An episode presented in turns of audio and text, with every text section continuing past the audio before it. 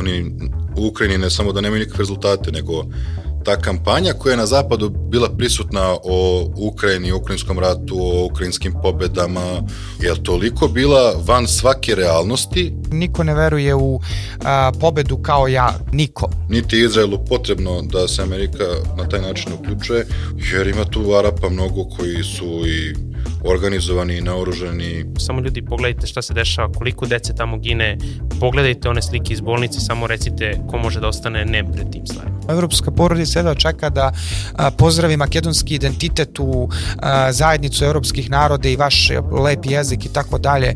Mislim se Dobrodošli u novu epizodu podcasta Lokomotiva, ja sam Marko Nikolić. A ja sam Tioso Purić. Svašta smo pričali u jam sessionu, nekako smo najviše pričali o Izraelu i Palestini, nismo se nikako dotakli Ukrajine Zelenskog, ali evo, ova naslovna strana Tajma posvećena njemu i upravo to će nam biti neka naša prva tema, to je kako je Zelenski od čoveka godine postao promašaj veka, a u drugom delu ćemo se baviti ovim novim aktiviranim balkanskim špionima. Tako je, tako je. A, a danas ćemo razgovarati a, u intervju sa Aleksandrom Šešeljem, zamenikom predsednika Srpske radikalne stranke. Ukoliko niste, like i subscribe na naš kanal, zapratite nas na našim audio platformama i ostanite uz nas, a mi možemo da krenemo od ove naslovnice tajna, ko, tajma koja je ovaj, zaista jedno, kako bih Remek rekao... delo. Remek delo, da, u svakom smislu te reči. Lepo su se pomučili ovi u Photoshopu, kako su napravili prošle godine njega kao čoveka godine, sad su ga fino dizajnirali za ovaj njegov odlazak sa velike svetske scene. Ne znam kako se tebi čini sve to. Pa, apsolutno, e, to sam baš primetio u tom jam sessionu, nekako ništa nismo spomenuli ova dešavanja maltene u, u Evropi i to šta se dešava na tom ukrajinskom ratištu, ali negde apsolutno provejava taj taj vihor da Zelenski apsolutno se više ne vidi kao čovek koji će uskoro upravljati Ukrajinom. E, vidi se da polako ulaze i ti veliki američki fondovi, BlackRock e, i tako dalje na, na, tu, na to tržište i da im tu treba očigledno neko ko neće više imati taj neki trag rata na sebi i tu se spominje često i ova ambasadorka u Sjedinjeničkim državama ukrajinska uh, Oksana Markaro, Mark, uh, Markarova i vidimo i ovog Arestovića koji je do skoro bio njegov jedan od prvih neki savjetnik. Uh, prvih savjetnika koji sve češće istupa u medijima i govori o tolikoj korupciji i svim kriminalnim potezima te vlasti. Tako da tu definitivno provejavaju ti vetrovi da se polako spremaju tu neke promene, ali samo u godinu dana od tog čoveka koji je A to jeste fenomen zapada, da oni uzmeju tako fenomenalno da potroše nekoga i onda ga samo bace i sklone i prosto naprave novog nekog ko će tu da, da, da deluje, je tako? Jeste, pa ne, meni je sama činjenica da su oni, čini mi se i za naslovnicu izvukli, ajde proverit ćemo to posle, kaže niko ne veruje u a, pobedu kao ja, što verujem. I onda kaže niko. Da. Znači, nobody, e sad, da, to, nobody. to sad da li je rekao on ili je to dodato? Uh, ne, pazi, od, oni su to, ne verujem, pazi, ne verujem, ja mislim, ali uh, to generalno sama činjenica, jer to je neki, uh, neki oblik reportaže ovaj, novinara Timesa koji je, to je Stajma, koji je sa njim tamo išao i proveo dane u Ukrajini zajedno sa njim i radio intervju i sa njegovim, o, sa njegovim okruženjem neposrednim, gde otprilike je to njegovo neposredno okruženje, tako da tvrde ljudi kako prenosi novinar Tajma da e, zbog e, tvrdoglavosti Zelenskog ne može da se osmisli nova strategija koja bi bila delotvornija za rad protiv Rusa. Sad se ponovo a, provlači, čini mi se da je ministar odbrane smenjen u Ukrajini zbog korupcije. Sad se ovaj ponovo provlači kroz zapadni mainstream, ovaj, počeši od Jelte Tajma sa ovim intervjuom, to kako se vraća se ona stara priča s početka specijalne vojne operacije, kako je Ukrajina zapravo leglo korupcije. Sad ćemo se da je Niall Ferguson pisao, ono, postali su od jazbine korupcije, postali su zemlja heroja, sad se očigledno ponovo vraćaju na to. Interesantni su neki podaci koji su izbacili i vezano za američku javnost, gde sa 63% narodne podrške kongresnom glasanju za podršku Ukrajini, u Americi taj procenat pao na 41% američkih uh, glasova, sve izvesnije da, to jest američke podrške, sve izvesnije da neće biti ni ove Bidenove podrške ovaj, od, ovog, od ovih 105 milijardi dolara predviđeno. Da, a da ne kažemo samo koliko je od ovih, od 7. oktobra zapravo potpuno pao rating toga šta se dešava u Ukrajini i dobro, tu vidimo i neke, neka vojna pomeranja, apsolutno ovo oko Avdevike, opkoljavanje na sličan način kao što je to bio Bahmut i vidimo da se dosta, zapravo Rusko ministarstvo odbrane izdalo saopštenje da je preko 30 aviona e, ukrajinskog vazduhoplovstva srušeno u prethodnih e, mesec dana, što znači da se tu neke isto stvari u vojnom smislu pomeraju. U Americi, da, apsolutno, demokrati i republikanci kao da su zaboravili na, na Ukrajinu i na svu tu pomoć, nekako je prepuštena e, ovim evropskim liderima koji izgleda će morati sad još izdašnije da pomažu e, Ukrajinu, a vidimo i da da u Americi ovaj poslednji paket od 150 miliona dolara nikog nije zadovoljio. Čak ni ove novinare iz, iz Foxa i CNN-a, oni su tako uzgred, budi rečeno, pitali pa kako samo ovoliko mali paket novi pomoći Ukrajini? Pa su rekli, pa to, tako smo trenutno mogućnosti, imamo sad bitnija posla i apsolutno svaki put kad se pomene Bliski istok, sve drugo pada u zapećak, pa tako i, i, i Ukrajina i nažalost ti svi ljudi koji su tamo o, stradali zarad čega, a približavaju se ovi izbori sledeće godine koji bi valjda trebali to Ukrajini da se održe iako tamo ne postoje nikakvi znakovi te demokratije, ako bi tako moglo. Pa ne, naravno, to je sad ona stara iz američkih, ovaj, uh, iz američkih strahova, ona stara priča o tome kako rat zapravo pojede demokratiju. Sad Zelenski pokušava da se vadi na priču o tome kako u vanrednom stanju ne mogu da se održe izvori, tu su bili govori neke letos. Sad ćemo sve, ali evo, uh, pronašao sam ovaj, da, baš tajn, kaže ovako crvena naslovnica i upečatljivi kaže niko ne veruje u našu pobedu kao što ja verujem, niko. I to je, to je baš ovaj upečatljivo ovaj, za naslovnicu Tajma.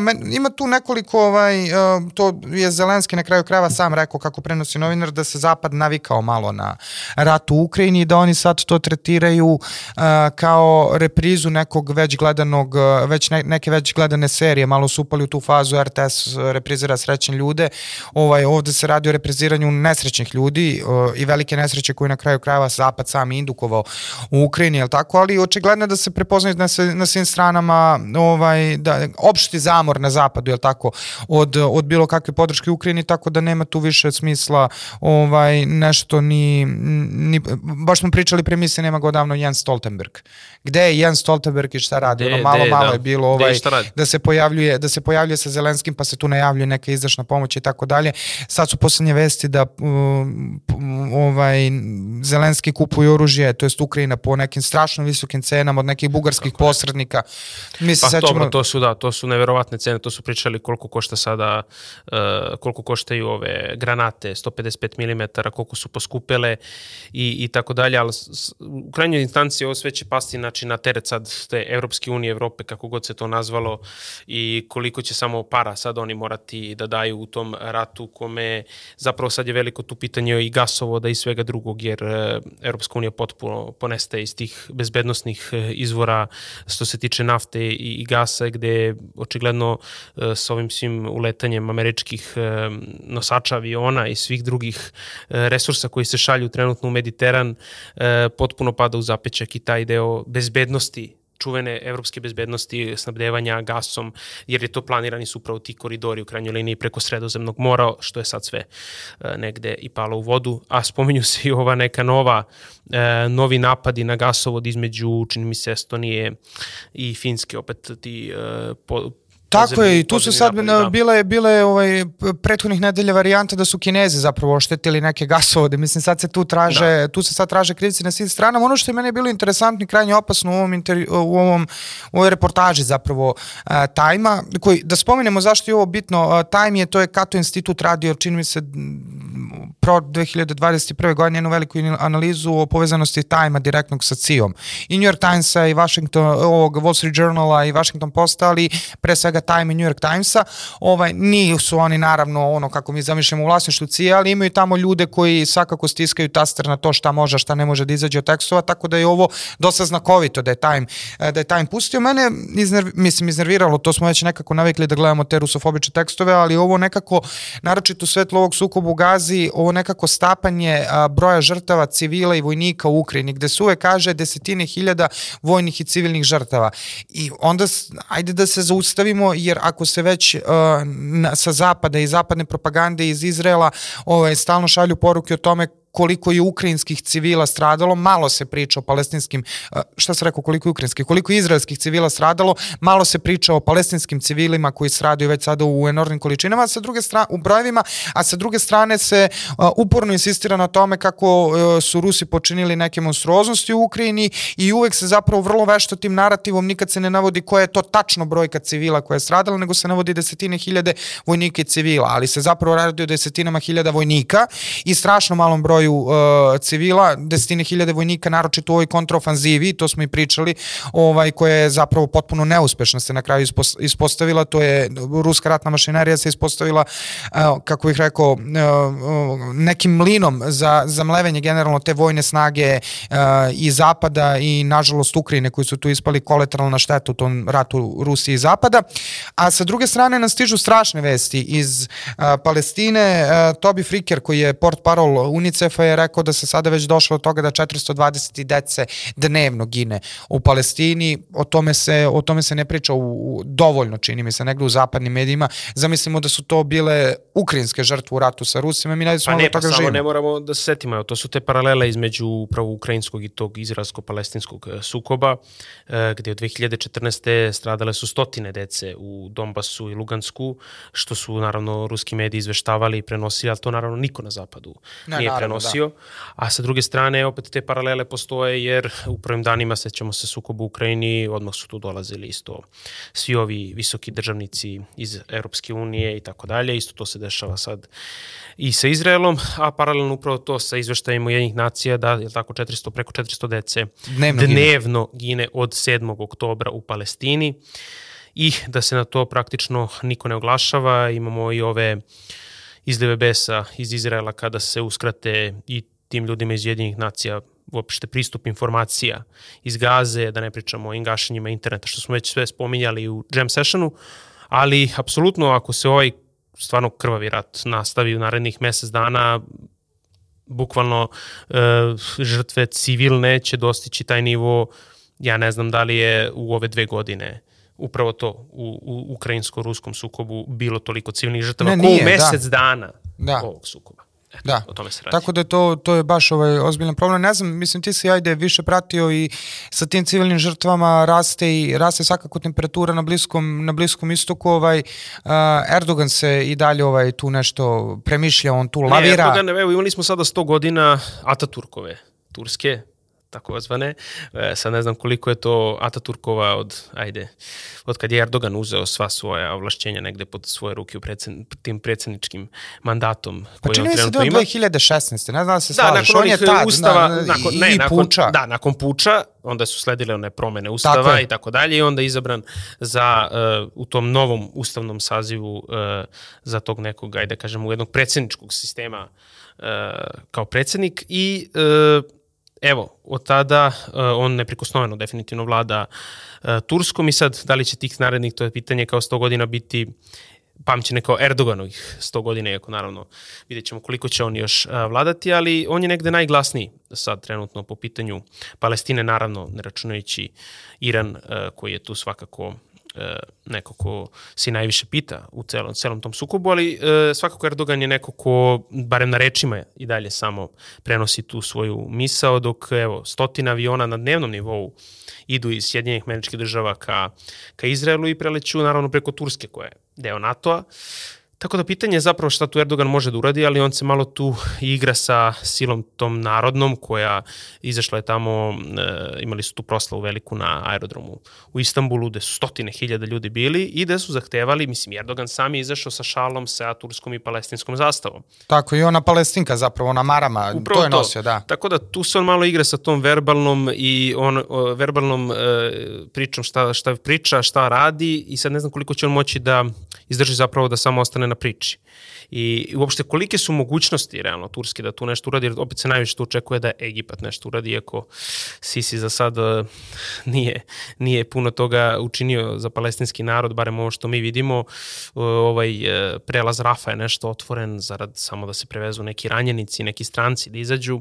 Ali sad imaju, to... kako imaju onu da. humanitarna pauza im se zove, to je sad neko Uf, novo ludilo. To je neki, da, iz, novi termini. Znači nema prekida vatre. Nema, da, nema humanitarne katastrofe katastrofe, nema ono termina koji smo mi ovde svi bili optuživani, jel tako, za Kosovo, šta se sve tamo dešavalo, nego sad imamo humanitarnu pauzu, ali ni to ne može da se omogući. Čekaj, to su, to su zapravo trenuci kad Izrael prekida vatru da bi mogli neki konvoj da uđu tamo sa samo, ja mislim, da, samo bukvalno konvoji da uđu koji već stoje na, na tim prelazima, ali ni to se izgleda ne dozvoljava. E, vidjet ćemo kako će to sve, jer e, set, e, ne znam da li- koliko se ovi gledalci sećaju, bila je situacija ono u Davosu 2009. godine kad je Erdogan izraelskom premijeru, ja mislim da je tad bio ovaj Šimon Peres, ako se tako ovaj ako se ne varam da se zvao čovjek, nije ni bitno, ali ima to- to je čuvena Erdoganova uh, Erdoganov trenutak u njegovoj političkoj karijeri, kaže uh, one minute trenutak zbog toga što je on tad zaustavio izlaganje izraelskog premijera i rekao stanite jedan moment, stanite za jedan minut, vi savršeno dobro znate kako da ubijate decu i kako da ubijate civile, jer je ovaj pričao izraelski premijer o pravima na samoodbranu i tad je Erdogan demonstrativno napustio ovu binu na kojoj je on govorio na tom Davos, na Davosu ovaj, zajedno sa izraelskim premijerom i posle, posle godinu dana 2010. je bila situacija kad je trebalo, kad su turski brodovi trebali da dostave neku humanitarnu pomoć isto Gazi i onda su uh, Izraelci uh, napali te brodovi i od tada je stradalo 10 turskih državljana, a 50 je povređeno. I Erdogan je tad bio, znači došao do pada nekih uh, odnosa sa Izraelom, došao do zahlađenja u odnosima, ali nije bilo nikakve eskalacije. Sad je to onaj moment gde Turska predstavlja barometar za odnose snagu u svetu u meri u koliko će uh, Erdogan zapravo delovati ne samo verbalno nego i, i delimo u čitavoj situaciji, to će zapravo pokazivati koliko je on stabilno u NATO paktu, a koliko, a koliko nije. Jer ne treba zaboraviti, Amerikanci dalje imaju bazu u Turskoj i to što si ti rekao, preleće avioni. preko tako da, hiljadu svojih vojnika i ko zna šta još, da. Apsolutno, ali dok sve to dešava, uh, Jemen, odnosno Huti su objavili rat Izraelu, to je ono što je interesantno i da se tu lanciraju neke balističke rakete, ali vidimo da tu Saudijska Arabija i Jordan izgleda nekako malo presreću te rakete dok je Saudijska, dok je Saudijska delegacija u Sjedinjim američkim državama trenutno, pa ćemo vidjeti šta će iz toga izaći. Tako je, pa Huti su, Huti su čvrsto vezani za Iran. Mislim, Da. i to je sad, ovaj, to je sad ta Da, pozicija pa ovo je dok trenutno opet nisu... taj neki rat proksi elementima, kao što naravno je Hezbolah i očekuje se to obraćanje e, zvaničnog. Hezbolaha, da, i da vidimo šta će, se tu, šta će se tu reći. Da, i dalje je to na nekom proksi nivou, gađaju se američke baze po Iraku e, i tako dalje, ali dalje nema zvaničnog učešća tih svih velikih igrača, što ne znači da u jednom trenutku neće doći do toga.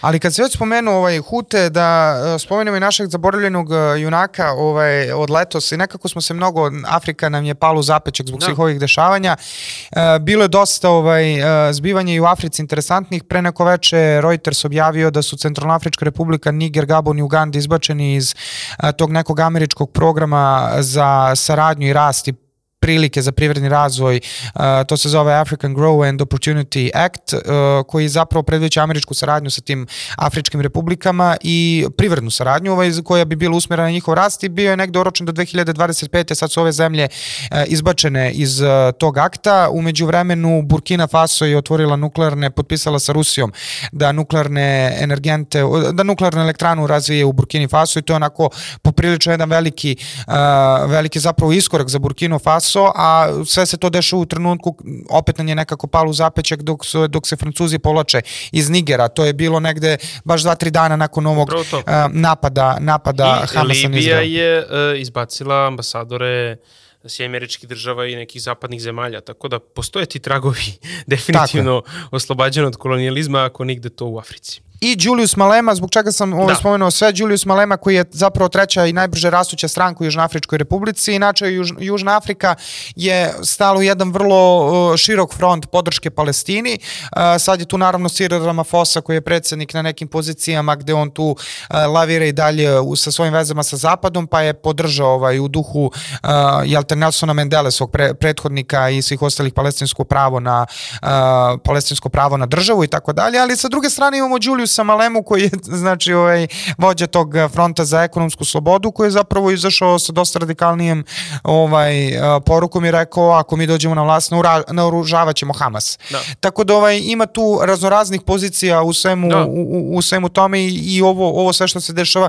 utiče kako i na Afriku ako ništa drugo eto da se skrene pažnja svetske javnosti sa tih zaista možemo da kažemo veličanstvenih zbivanja u Africi tog buđenja iz viševekovnog uh, kako to običaj imaju kineze da kažu to je uh, uh, vek sramote. E, oni se bude iz više vekova te sramote, izbacuju te lance i oni i tekako budno prate šta se dešava Ja. iz, između Izraela i Pa Palestine. evo, postoji kontakti trenutne ministarke spoljnih poslova Naledi Pandor e, iz Južnoafričke republike sa je Iselem Ha- Hanijom, šef, šefom politbiro Hamasa. Tako da tu postoje očigledno neki kontakti koji se razmenjuju, a opet treba spomenuti da je Moskva postala neki posrednik u kontaktu isto između i Izraela i, i Hamasa na neki način i e, to ovaj sastanak zamenika ministra spoljnih poslova Irana e, sa, e, sa članom politbiroa Hamasa oko oslobađanja osam talaca koji su e, ruski državljani.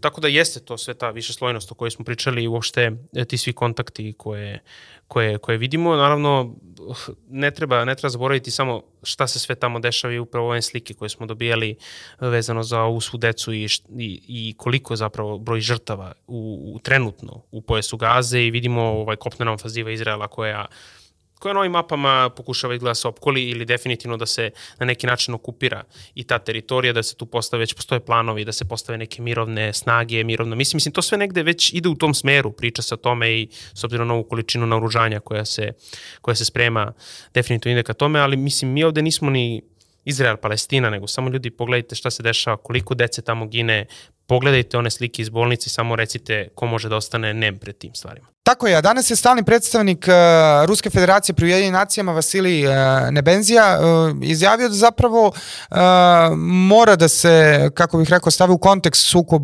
sukob između Izraela i Palestine i ruske, ruske specijalne vojne operacije u Ukrajini. I čak je spomenuo vrlo interesantnu stvar da Izrael suštinski ima pravo da osigura svoju, svoju bezbednost, ali nema pravo na samoodbranu, naročito ne prema tom savjetodavnom mišljenju Međunarodnog suda iz 2004. godine i naročito ne ovako kako to tumače uh, zapadni, zapadni mediji i još jednom je potvrdio ono, ono stanovište na kojem stoji Kina i možemo da kažemo negde taj uh, šire gledano globalni istok i uh, poli, uh, globalni jug i politički istok ovaj, o potrebi za formiranjem palestinske države.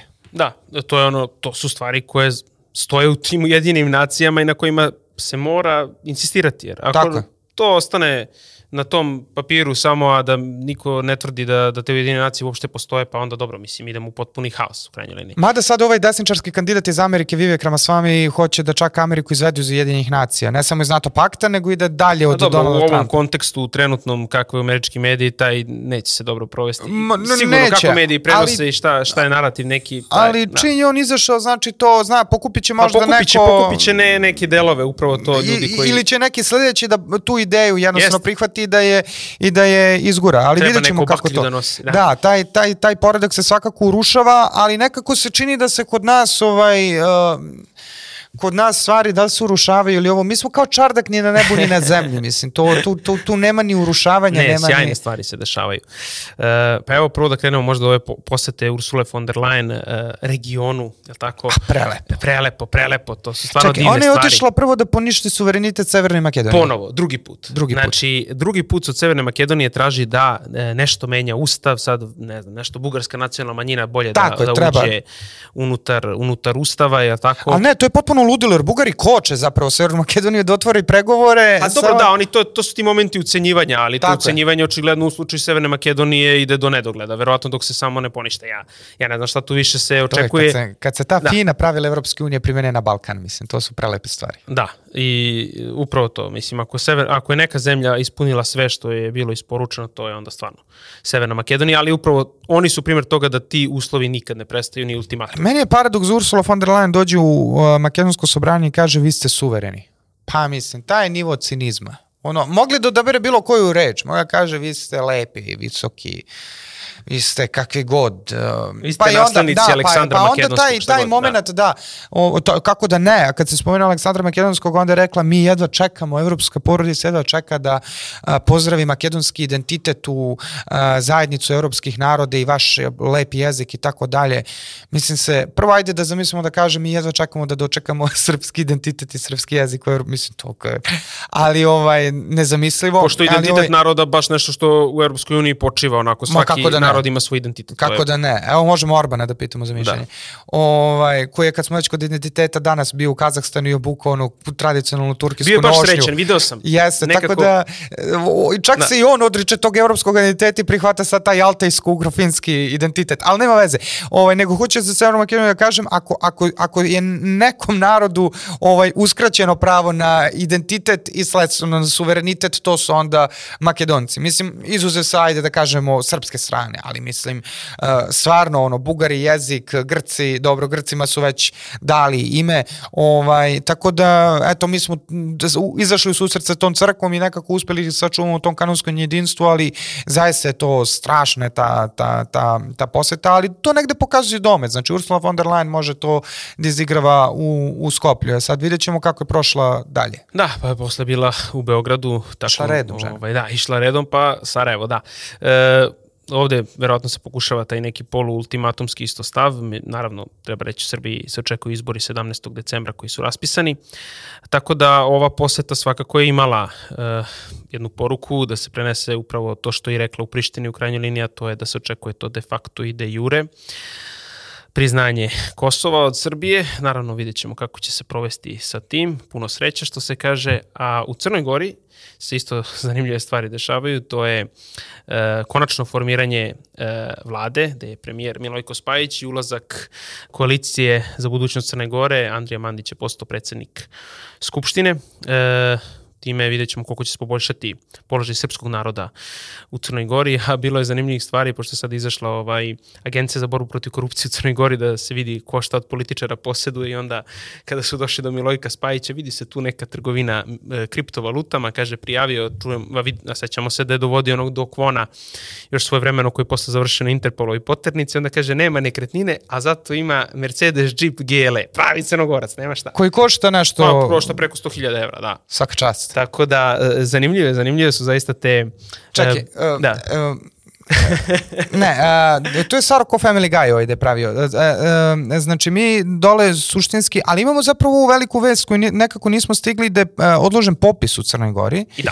I, ovaj, I to se sad potvrđuje da opet imamo uh, faktor Milojka Spajića, tamo se zna svako koje nacionalnosti osim, n- ni za koga se ne zna koje koje nacionalnosti osim bivših devojaka Milojka Spajića, od kojih je jedna hinduiskinja, jedna eskimka, jedna ovaj, Pa, to kaže, iz- to, to kaže Drita Nabazović, kaže da nije bilo nas i da nismo formirali tu ekspertsku vladu, doveli ovaj, sve Da crnogorce. nekog, da, li, da li ima neku devojku iz Jakutije ili nešto tako iz Ne znam. Sibira? Pošto E, volite, on da. volite egzotične destinacije, tamo voli da traži ljubav. Jeste, ali Dritan Očigledno. je pričao o, da, o nekoj indonežanki, budistkinji i tako dalje. Dritan? Tako Da, da, da, pričao je da, da je Milojko Čekaj, imao. zar on... Aha, a, do, a Dritan je, on ima, Da, nijedna da. neće ne, ne, da... on se nije- pohvalio uglavnom da, da nije bilo te vlade koja je dovela u krajnjoj liniji Milojka Spajića u Crnu Goru, pošto je on bio u Singapuru, ne bi, ne bi ovaj, onda Milojko ni bio danas tu, nego bi još jurio ovaj, razne e, tako indonežanke, budistkinje tamo po, po. Hinduistkinje, Tako jeste. je, to je, to je bila Boginju Šivu.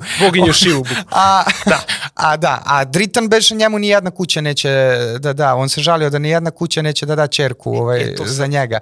Ima bre, to isto javno izjavljivo, da on ima, on ima problem sa tim, tako da bi mogli oni neke koalicioni sporazum da naprave oko toga, E, pa da... Pa evo, ovaj, ne, Dritan je ispo iz te priče, ali dobro si to spomenuo za popis. Ne, ne za vlast, nego dri- da naprave A. za to ljubavnu koaliciju, ovaj, je, to, za, za nalaženje r- rešavanje naprave tih neku emotivnih problema. neku nešto. Ili neku aplikaciju, neki crnogorski onaj Tinder. Tinder, ovaj, e, Kinder.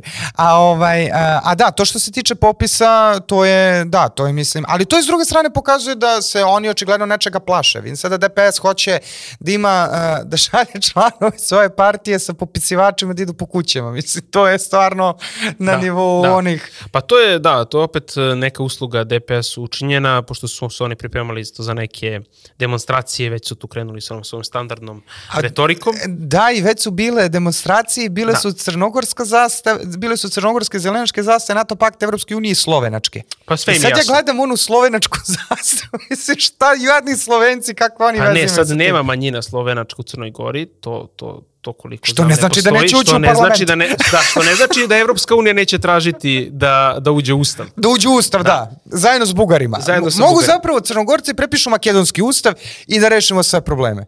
Pa to, da, to bi bilo najbolje, ali tu se sigurno isto ne bi završila ovaj, izgleda ta epopeja. Pa ne, tu im smeta da. temeljni ugovor, jer u Crnoj Gori e, je da. crkva, e, to, to, je sad problem. Ali uvijek se vrati ovaj, na ovo de facto i de jure mm -hmm. priznanje, priznanje Kosova, da ne bismo ovaj, preko toga ne, preleteli, mislim, o, meni se čini da ovde postoje na Balkanu tri realnosti. Postoji ta međunarodno pravna realnost, postoji realnost uh, sile, a to je ova Ursula von der Leyen i to potreba za de facto priznanjem i onda postoji uh, realnost uh, nebeske Srbije. Šalim se. Ne ta realnost, ali zapravo da, jer mislim, uh, meni zaista samo nije jasno, čini mi se da prežvakamo tu priču, ali možda bi trebalo da ponavljamo to. Ja ne znam ko bi pri uh, čistoj svesti zdravoj pameti se usudio da pristane na taj ultimatum Ursula von der Leyen, naročito imajući uh, u vidu, jer uh, ono što, uh, ja mislim da generalni zapad previđa jednu stvar, uh, da Srbi ovde uh, imaju iz razoraznih razloga uh, privilegiju da mogu da prate uh, vrlo neposredno uh, sva zbivanja u svetu i da je srpskom narodu u celini vrlo jasno uh, u kakvom je trenutno stanju kolektivni zapad na čelu sa SAD-om. Danas je izbacio, list danas je izbacio po, um, neko istraživanje koje je proevropsko, ovaj Leo, Leo Naim Beširi je na čelu te neke uh, analitičke agencije koja se bavila time, gde su oni rekli da većina Srba doživljava Ameriku kao neprijatelja. Ako su oni to rekli da većina Srba, to znači da je skoro svi Srbi, mislim, jer oni su to sigurno malo kalibrirali, nemamo potrebe da, da, da im baš sad nešto pretrano verujemo, na ime minulog rada, tako da e, je potpuno čini mi se e, suludo ovo sad pokušavanje Ursule von der Leyen da utera e, našu vlast u, neku, u neki kao ćošak. I sad je ono što smo negdje mi spomenjali pre emisije, lepo je porediti i potvrditi onu tezu politika, politiko A, da je Evropska unija zapravo politički patuljak postala, što je negde od uvek je bilo, samo je ta maska pala, jer sad ćemo se kad je Angela Merkel došla pred jedne izbore ovaj, i uh, Borisu Tadiću i zapravo uh, mu je rekla kraj, gotovo, više nemaš našu podršku, isto je bio problem Kosovo, tu je posle Boris Tadić pričao da je povukao neke crvene linije, sad da li jeste, da li nije um, sudići istorije Wikileaks, ali sa druge strane, uh, ja mislim da danas ovo kad dođe kaže ovaj, Ursula von der Leyen, to će samo još više da konsoliduje, da konsoliduje ovaj, vlasti i još će više učvrstiti te neke a, patriotske struje u okviru vladajuće i generalno patriotske opozicione stranke u nastupu prema njihovim ultimatumima. Apsolutno i naročito to što nas čeka te naredne e, četiri godine i taj novi saziv kako će izgledati, ali na osnovu svih ovih projekcija koje sad imamo vidimo da će opet dve trećine biti sigurno upravo to protiv nekog e, pristupanja i zapravo prihvatanja takvih ultimatuma što je dve trećine, dve trećine ipak, to je neka ta i ustavna kategorija, tako da teško će Jer to sve baš da prihvatimo, pazi, sad, mislim, sad razmišljam, znači, ako se i predsjednik ponaša kao kišobran koji prihvata na sebe to i on sad tu pregovara nešto, ja mislim da ovaj, sa druge strane, dok on to prihvata kao kišobran i oni verovatno fokusiraju svoju, ovaj, oni ne razumeju dubinsku demokratiju srpskog naroda, znači koja nije, nije u mehanizmima, nego je, ovaj, a sad nek čitaju srpsku istoriju, ali, ovaj, ali sa druge strane, ovaj, ti, ti zaista pod tim kišobranom se javlja neki, jer ima, ima tu efekte i kad predsjednik kaže izađe, bilo nam je teško, ovi kaže pa šta ti bre više bilo teško, u smislu evo, ako treba, ja ću da idem sad da kažem, možemo zamisliti prosječnog Srbina kako reaguje, ja ću doći pred Andriće Venac i reći Ursuli von der Leyen kako treba i šta sme, a šta, a šta ne sme, jer nekako se čini da se vraća to samopouzdanje i naročito ono što je utešno, ovaj, što, du, što zvuči dosta, briga, dosta grubo, ona priča o biološkom satu, ali stvarno kad se vidi baš ovo istraživanje danas danas ljudi koji veruju to da je Amerika prijatelj Srbije su mahom ljudi tamo negde 50-60 godina. Mladi pa do nekih 45 godina lisno doživljavaju Ameriku kao neprijatelja. To je neka nova realnost na koju će morate da se naviknu što bi rekao Milo Đukanović. Tako je. A mi polako da odjavimo ovaj naš deo emisije i da najavimo našeg gosta Aleksandra Šešelja. U drugom delu pričat ćemo o predizbornoj matematici, što da ne i postizbornoj matematici, ali i o ovim geopolitičkim temama o kojima smo pričali. Naravno, zapratite nas, slušajte nas preko audio platformi i vidimo se u drugom delu emisije. Drugi deo emisije, kao što smo najavili, sa nama je danas Aleksandar Šešelj, zamenik predsjednika Srpske radikalne stranke. Dobrodošao. Bolje vas našao. ajmo da krenemo, malo ćemo prošarati, imat ćemo ovako šareniju emisiju, ali da krenemo, ovaj, pošto si ti uh, upućen dosta u geopolitička zbivanja i stvarno se uh, baviš time i govoriš o tome na jedan dobar način. Kako ti se čini ovo sad što je izašlo u tajmu što se pojavila ova naslovnica koja kaže da je Zelenski, koja zapravo oglašava da je Zelenski definitivno pušten, pušten iz vodu, evo to je malte ne godinu dana nakon što je bio čovek godine, je to sad on konačno istrošen? Kako ti se on čini? Pa prvo hvala što ste me pozvali u emisiju i na početku samo da se ogradim, niti se ikad predstavljam kao bilo kakav stručnjak za geopolitička pitanja ili bilo šta slično. To je naš ja, utisak. Ja sam... da, ovaj, e, ja smatram samo da mi treba o tim događajima da govorimo i da to posmatramo iz naše perspektive i da u okviru toga zauzimo stavove. I uvek nastupam pre svega ispod, ispod političke stranke koju predstavljam, nikad nisam se legitimisao nekako drugačije. A što se tiče toga što si spomenuo, ja mislim prvo da na zapadu je već to jasno, dakle političkim elitama tim, da je taj projekat jednostavno nije dao nikakve rezultate i sad treba nešto novo, kad ne daje rezultate menja se u svakom poslu, pa i sad u ovom i ne bi bio prvi put, Amerikanci imaju tu tradiciju da e, iskoriste pa odbace kao toalet papir e, te ljude koji im služe i koji najčešće zanemaruju interese so, svoje sobstvene zemlje, zarad američkih interesa, a te interese predstavljaju kao da je to nešto najvažnije za ovde u ovom konkretnom slučaju ukrajinski narod i slično. Imali smo ceo niz onih diktatora u Latinskoj Americi koji su im služili za trgovinu drogom, za razne druge stvari pod nekom e, firmom borbe protiv komunizma i sličnim stvarima šta su sve tamo navodili, ali čim bi se pokazao kao neproduktivan, onda bi ga zamenili. Jednostavno, to je, to je tako. Oni u Ukrajini ne samo da nemaju nikakve rezultate, nego ta kampanja koja je na zapadu bila prisutna o Ukrajini, ukrajinskom ratu, o ukrajinskim pobedama, o predviđanjima šta će biti, je toliko bila van svake realnosti, jednostavno nije bila ni približna nekom realnom mogućem ishodu koji je mogao da se očekuje kad bi neko procenio zaista kakvi su pre svega resursi obeju zemalja i koliko su u stanju da se mobilišu, ali ne kao mobilišu dovedu vojnika na front, nego jednostavno čitavu državu upregnu da, da radi za taj jedan nacionalni cilj. I Rusi su se tu pokazali mnogo uspešnijim nego što su to bili Ukrajinci, odnosno nego što je to bio kijevski režim. Jednostavno, mislim da je to ta posljedica i da je to ono za Amerikance business as usual. Dakle, oni su uvek tako odstranjivali svoje nekadašnje partnere, ograđivali se od njih. Mislim, šta su radili sa Južnim Vijetnamom i kakva je bila retorika povodom kad uzmete sada šta su govorili o tome da će pobediti komunizam, komunizam je najgori, mora da se porazi, mora sve i tako dalje. I šta su radili, pobegli su odatle, mislim, slična stvar desila se u Afganistanu, islamski fundamentalizam, pa posle svega onoga što se dešavalo, pa čak ti neki masovni terorički napadi su bili do 2010. 15. možda dosta učestali nego što je to danas slučaj. Jednostavno, bilo je sluha za tu neku američku intervenciju. Mogla da se objasni nekako, iako je bila nepravedna uvek svaka, ali onda su samo prestali jednostavno s tim, ne može više, tražimo nešto novo i tako su uvek ponašamo i to ništa nije čudno. Da. Kad kažeš business as usual, evo sad imamo ovaj sukob u Palestini, krvi sukob, u 20 dana je odno više civilnih života nego verovatno i godinu i po dana u, u Ukrajini. U Ukrajini da. I kada sad vidimo šta se dešava u američkim medijima, obećavanje stotine milijardi dolara Izraelu, upravo to, Ukrajina je potpuno u nekoj trećoj, trećoj strani. E, spremali nam se tu neki veliki novi sukob, jer vidimo ovaj nosač aviona, vidimo koliko aviona pristiže u Izrael, uopšte u okolinu, tamo, uopšte na Bliski istok. E, jel to postaje neko novo žarište gde će taj neki novi biznis da se dešava? Jer vidimo, republikanci i demokrate su potpuno na istoj strani, ako pratimo medije američki. Uvek su bili, ja mislim, po tom pitanju. Evo, prvo ja mislim što se tiče eh, nosača aviona da je to tamo prisutno iz čisto simboličkih razloga. Niti Izraelu potrebno da se Amerika na taj način uključuje, oni jednostavno hoće da izraze svoj stav na taj način, da zaplaše, zastraše, jer ima tu Arapa mnogo koji su i organizovani i naoružani i svašta nešto koji su u stanju možda da nanesu mnogo ozbiljnije udarce izraelskoj vladi nego što je to Hamas u stanju u svakom slučaju. Dakle, Hezbollah, na primjer, ili drugi Egipat, nije to nešto što bi moglo da se poceni i trebalo da se poceni, ali mislim da je tu simbolika najvažnija.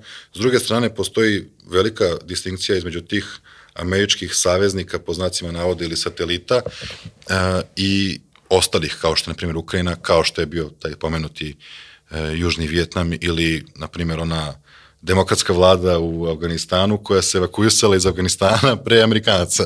Dakle, uh, i Izrael. Dakle, tu postoji stvarno velika razlika. Jednostavno, Izrael je njihov uh, najvažniji partner. Oni su spremni svašta da žrtvuju za Izrael. Oni su formirali na kraju krajeva državu Izrael i, i sam Joe Biden koji je onako bio čovek koji je smeo sve da kaže u, za vreme dok je bio u američkom senatu. On je čak i rekao onom prilikom, to smo mogli sad u posljednje se podsjetimo, da nema Izraela, trebalo bi izmisliti Izrael. I to je tačno, oni nisu formirali Izrael zato što su oni hteli da se na neki način oduže stradalničkom jevrejskom narodu koji je prošao kroz holokaust i koji je pritom progonjeni stotinama godina pre toga u kojim god državama da je živio nisu nikad na njih gledali kao na ravnopravne građane, iako su oni suštinski današnji Izraelci, odnosno najvećem broju jevreji, ipak pripadnici u širem smislu neke evropske kulture, pa čak i oni u Americi, pošto je to veoma blisko, i oni su jednostavno i te je, i jezike evropske govore i živeli su u Evropi najviše, odnosno, uh, ali nikad nisu, nisu gledali kao sebi ravne, jednostavno tako je to bilo kroz, kroz istoriju, tako ja bar to tumačim, ali Amerikanci su državu Izrael formirali da bi jednostavno napravili tu penetraciju u jedan čisto arapski prostor i da bi i zbog energenata i zbog globalnog uticaja i zbog konteksta u kojem se to dešavalo u vreme moćnog Sovjetskog saveza koji je izašao kao veliki pobednik iz drugog svetskog rata,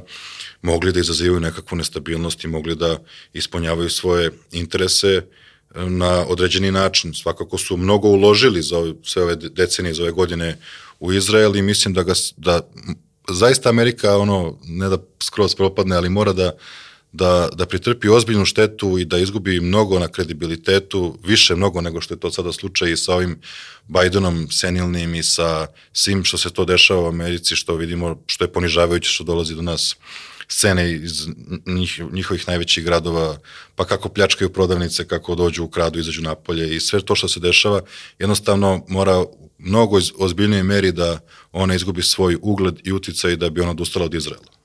Znači, ja mislim, ja to tako posmatram. Takođe, kada pogledamo taj famozni jevrijski lobby, izraelski lobby u Americi, uh, ja ću sad reći AIPAC, ali nisam siguran da se tako zove, da. pa njihova podrška po ovim navodima koji mogu da se čuju na nekim alternativnim uh, američkim medijima, često me da bude presudna za to ko će biti izabran i za kongresmena, i za senatora, i za guvernera, ali ko će biti predsednik Amerike, jednostavno taj lobby je tamo duboko ukorenjen i, veoma, veoma uticajan i ne postoji šansa da oni, oni moraju da budu u ozbiljnoj krizi da bi oni čak i razmišljali da da puste Izrael niz vodu. S druge strane, Izrael im služi na maksimalan način.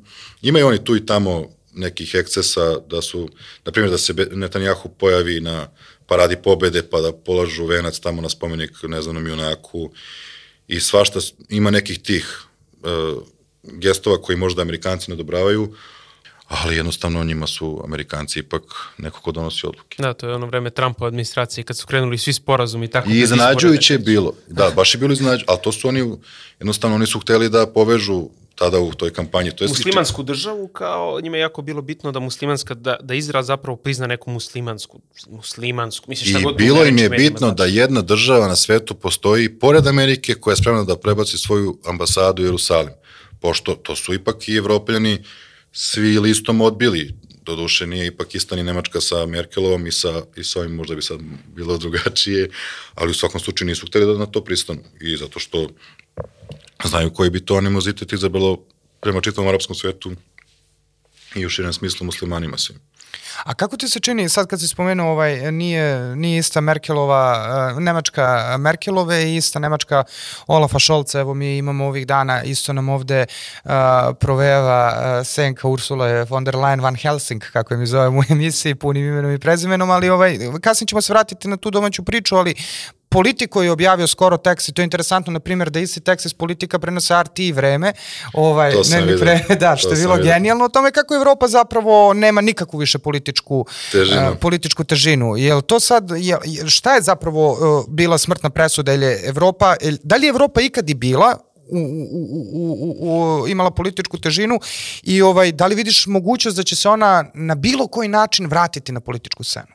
To je sad toliko nezahvalno pitanje i šta bi sve moralo da se desi da se to, da, da bi Evropa, odnosno kao taj kolektivni zapad, odnosno zapadna Evropa u širem smislu mogla da bude neki odlučujući faktor, ne znam, ali znam da Nemačka nema nikakvu šansu da doživi bilo kakvu emancipaciju i da je na sličan način kao što je formirana država Izrael i Ujedinjena Nemačka formirana. Dakle, Amerikanci to kontrolišu u potpunosti, oni imaju tamo više od 100.000 vojnika, zajedno sa tim pomoćnim osobnim četiri velike baze, ta Bavarija među, najbo, ne, među najvećim bazama na svetu. Ukoliko bi se e, desilo da se pojavi neka politička struktura u Evropi, da bi, koja bi mogla da dođe na vlast, a na primjer u nekoj evropskoj e, značajnoj, e, velikoj značajnoj državi Evropske unije, koja je mogla da dođe na vlast, koja bi bila, ajde da kažemo, anti-atlantistička, mislim da bi oni bili spremni svašta da preduzmu da, da oni ne budu... Pa da, već mi je nekoj- Orban dovoljan kost u grlu i Pa evo sad ovaj i, i Fico čak i možda. ono kad se malo Da. pojavi negde neko ko izazove nekakav strah, ubrzo se e, taj neko negde položi pa komaži i zaklove Pa evo zakle se- Melonijeva, šta je ona nešto zakletvu na vernost ovaj, američkim interesima, šta je bilo s tom Meloni. Doduše ona nikad nije dala neku rusofilnu izjavu, nikad nije ona rekla ja sam za Ruse, ja sam za ne znam šta. Govorila je uvijek nešto u smislu ja sam za Italijane na prvom mestu, za našu porodicu. Jeste, ali onda im dođe 600.000 migranata, ono, bukvalno na dnevnom nivou. Ne, to se ne menja. A, a kad je, na primjer, Salvini bio prvi put ministar unutrašnjih poslova, on je baš ozbiljnu borbu imao sa tim da, da to spreči, naravno nije uspeo.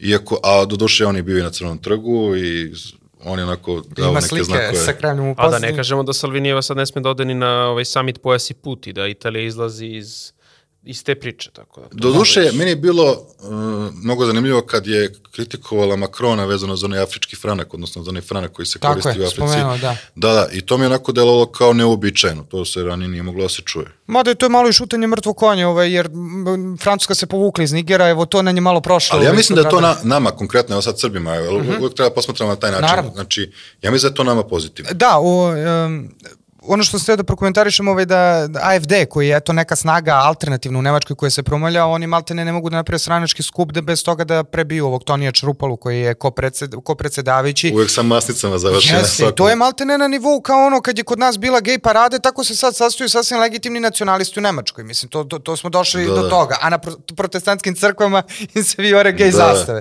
Tako da je to, mislim, potpuno jedna uh, suluda situacija, ali ovaj, ovo može da nam bude zgodan, uh, zgodan ovaj šlagvord za, za prelazak na domaće teme, jer meni se čini da nekako uh, ta Afrika, i ne znam koliko si ti imao prilike da, da pratiš to i koliko si se bavio, ali zaista u Africi krenuo jedan talas dekolonizacije koji onako čini mi se uliva uh, uh, snagu i nekako nadu svim poniženima i uvređenima ovog sveta da, da je moguće uh, okrenuti leđe od zapada i praviti neku autentičnu domaću priču. Meni je tu najbolja okolnost što se tu pokazalo koliko oni u stvari ne mogu ništa da im urade. Znači oni njima ne mogu ništa, ali to su ipak, nisu tako neke zemlje koje su moćne i koje su u stanju da, da im se odupru i tako dalje. Jednostavno, nikakav konsenzus ne postoji. Oni su mogli da svašta urade sa Libijom, da je zaista sravne sa zemljom, da, da vrate u srednji vek, da, da ona, na onakav način Gaddafija likvidiraju, ono skoro ritualno bilo šta su njemu radili. I pored toga što je tamo ubijen onaj američki ambasador ili konzul, ne mogu tačno setiti u Bengaziju, oni, i to im je prošlo, jednostavno ti ljudi koji su podržavali to su ubili ambasador, nije ga ubio Gaddafi. Ali evo sad, na primjer, kod tog Nigera, i tu se onda pokazalo stvari, na primjer, mi te stvari nismo znali, jednostavno naša javnost sa tim stvarima nije bila upoznata, za koliko e, malo oni svoje resurse predaju tom e, preferencijalnom e, kupcu, što je bila Francuska, i šta sve Francuska od njih dobija i koliko ih u ovom 21. veku i dalje eksploatiše na sličan način kao što je to bio slučaj možda u nekim tim periodima kolonizacije u istoriji i to je generalno nepoznato bilo, mislim, ne samo što je kod nas, koji redko ko je kod nas znao i da pokaže tu zemlju na mapi, ali u svakom slučaju je bilo onako čudno da, da se to i dalje toleriše i da se to dešava, pa smo onda mogli da vidimo šta u stvari u tim drugim zemljama ima, pa im je bio onaj simpatičan skup u Sankt Petersburgu sa Putinom i onim afričkim liderima, gde je tu svašta moglo da se čuje, ja sam malo, pomalo pratio i rusku štampu, gde negde u, ukratko se uh, pojavilo je vesti o tim uh, afričkim iskustvima sa Zapadom, čega je sve to bilo i koliko oni nisu uopšte imali šansu da ostvare bilo kakav razvoj, da, uop, da uopšte povećaju negde životni standard svojih građana, a toliko su bogati tim resursima baš zbog uticaja tog Zapada. Jednostavno ih je Zapad posmatrao i većinu i dalje tih afričkih zemalja posmatra kao svoje vlasništvo, kao neko ko nema uopšte pravo da, da postavi bilo kako pitanje ili pravo da ima svoje mišljenje, svoj stav, ne da je Bože zaštiti svoj interes. Jasno. E sad, ovo što smo, uh, što sam ja napravio zapravo, a volio bih baš od toga da krenem omašku na početku i tu su potpuno se slažem sa tom jer sam imao, ovaj, to po nekoj inerciji sam te predstavio i na neki način malo kao i analitičara pored ovoga, ali zašto to ovo sve pitam? Uh, generalno hoću da te pitam kakav ti je stav uh, glede ovog narativa koji se malo i sa crnogorskom situacijom vratio u naš javni diskurs o tome da su zapravo eksperti ti koji moraju da odlučuju o svemu. Jel ti se čini generalno da su se stranke malo, uh, pitam te konkretno za domaću cenu, malo kao da se ustručavaju, mislim, mi malte ne živimo u stanju trećeg svetskog rata ili kako kaže predsednik Putin, svetskog građanskog rata, a malo se čuje uh, zapravo u, u generalnom političkom diskursu priče o tome, o svetskim zbivanjima koji nas se i tekako tiču. I sve se vodi ono, evo konkretno za ovo Izrael za Palestinu, malte ne se kažu, ajde da budemo mi neutralni. Čekaj, kako budemo neutralni kad imamo nosač aviona kod Kipra, imamo njihovu istu tu vojsku u Bonstilu na Kosovu. Kako ja da budem neutralan? Da, mi ne samo to, ima svašta, ali kod nas postoji to nešto što se zapatilo i što je zaista tragično, ta neka politika nezameranja. Bolje da ne kažem ništa nego da se neko naljuti. Znači, bolje da gledam ja svoje posla nego da eventualno neka negativna reakcija se pojavi na moj stav ili nešto što je legitimno, u čemu je tu problem. A, to postoji problem i kod stranaka, pošto se godinama kod nas vodi jedna snažna kampanja protiv političkih stranaka uopšte. Dakle, protiv političke, sve je bolje nego stranka. I onda neki čovjek sa ponosom izađe i kaže, ja nisam nikad bio član jedne stranke. Kao da je to sad nešto, kao da si u sekti neko bio, kao da si, pa neozbiljno, kao da si sad bio ono, bio sam uh, čuvar logora, mislim, pa neozbiljno, bio sam kapa u logoru, mislim, u čemu se radi, šta, zašto je to nešto što je problematično, to legalno, je to poželjno, gde to ima politički život, demokratski, bez političkih stranaka, to jednostavno ne postoji, a kod nas je to prokazano. I naravno trajala je kampanja i tako dalje i onda je ušlo modu to sa ekspertima, što je totalna glupost.